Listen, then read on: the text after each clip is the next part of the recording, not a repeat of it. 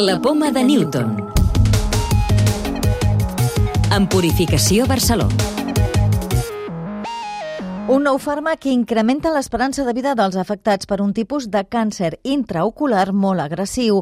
I dediquem el programa d'aquesta setmana en el qual també ens fixarem en una nova immunoteràpia desenvolupada a Catalunya i en una manera no invasiva de determinar com evolucionarà el càncer de recte. Un assaig clínic amb participació de l'Institut de Recerca de Bellvitge, de l'Institut Català d'Oncologia i del Grup d'Oncologia en xarxa Ciberonc ha demostrat que un nou fàrmac, el Teventa FUSP, augmenta gairebé un 30% la supervivència global del melanoma uveal metastàtic. És un tumor molt agressiu, amb molta facilitat per fer metàstasi i sense tractament efectiu. A més, el fàrmac podria ser útil contra altres tumors sòlids, com explica Josep Maria Piolats, investigador que ha participat a la recerca. A aquesta malaltia no disposàvem absolutament de cap tipus de tractament que hagués demostrat augmentar la supervivència. Ara ja tenim un primer tractament que es demostra que pot augmentar la supervivència molt en pacients amb melanoma uveal metastàsics, que abans podrien tindre una supervivència de menys d'un any i ara poden viure més de dos anys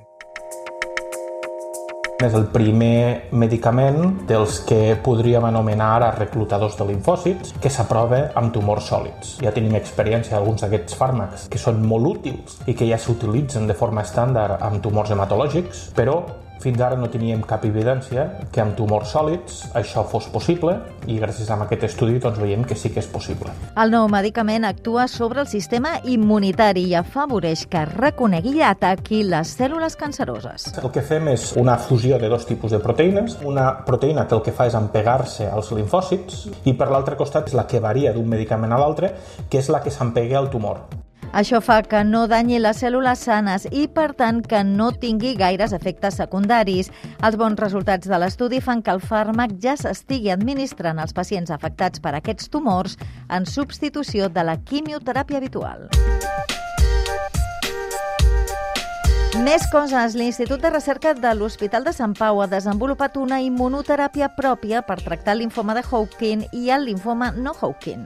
Es basa en cèl·lules CAR-T i consisteix en extreure cèl·lules del sistema immunitari del pacient i modificar-les al laboratori perquè siguin molt més efectives i també potents contra les cèl·lules tumorals. És la primera vegada que s'aplica a Europa per a aquests pacients, com explica Javier Briones, que és responsable del projecte.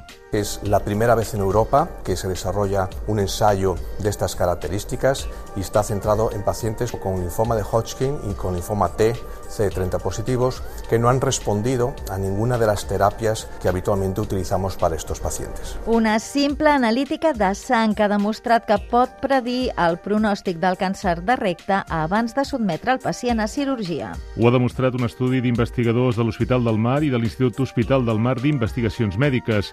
Han utilitzat la biòpsia líquida, és a dir, la detecció d'evidències del càncer a través d'una analítica per tal de determinar si hi ha ADN del tumor a la sang.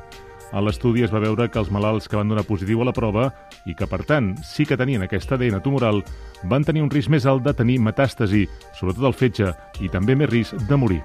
L'ús cada cop més freqüent de fertilitzants de nitrogen en els conreus de blat podria explicar l'alta prevalença de la malaltia celíaca al món. És la conclusió d'un estudi liderat des del Centre de Recerca Ecològica i Aplicacions Forestals de Catalunya que assegura que des de la dècada dels anys 60 del segle passat s'han multiplicat per 10 l'ús de nitrogen en els cultius de blat. Però aquest nitrogen es transfereix als grans de blat i, per tant, a les farines i això provoca acumulacions de proteïnes que intervenen en la formació del gluten. I és aquest increment de gluten el que provoca que hi hagi persones amb problemes per absorbir-lo. Llibres de ciència. Aquesta setmana us recomanem una obra que fa un repàs científic i filosòfic de la història del coneixement del nostre cervell. Matèria gris del psicobiòleg Ignacio Morgado respon preguntes com per què en l'antiguitat es pensava que era el cor i no el cervell el que controlava les sensacions i les emocions, quan va aparèixer el concepte de ment o quins investigadors van treballar per primer cop en malalties neurològiques. Resumeix la història de la investigació sobre el cervell i sobre els processos mentals, també els principals trastorns neurològics. I també ens mostra alguns dels invents que van ajudar a conèixer una mica més el cervell, possiblement l'òrgan més complex del nostre cos. La clau de volta. Quan pot durar la immunitat de les actuals vacunes contra la Covid-19? Margarita Deval, viròloga i investigadora del CSIC. No sabemos cuánto dura todavía porque ha pasado poco tiempo, pero hay que recordar que la inmunidad se basa en la memoria inmunológica y la memoria inmunológica se refuerza con cada exposición a los antígenos del virus. Y una exposición a los antígenos del virus es cada dosis de la vacuna, pero también una infección. Si el virus sigue circulando, como circulará, se estará reforzando la memoria inmunológica en cada exposición a los vacunados ya. Recordeu que podeu descarregar-vos el podcast de la Poma de Newton o subscriure-us al programa per rebre'l directament als vostres dispositius.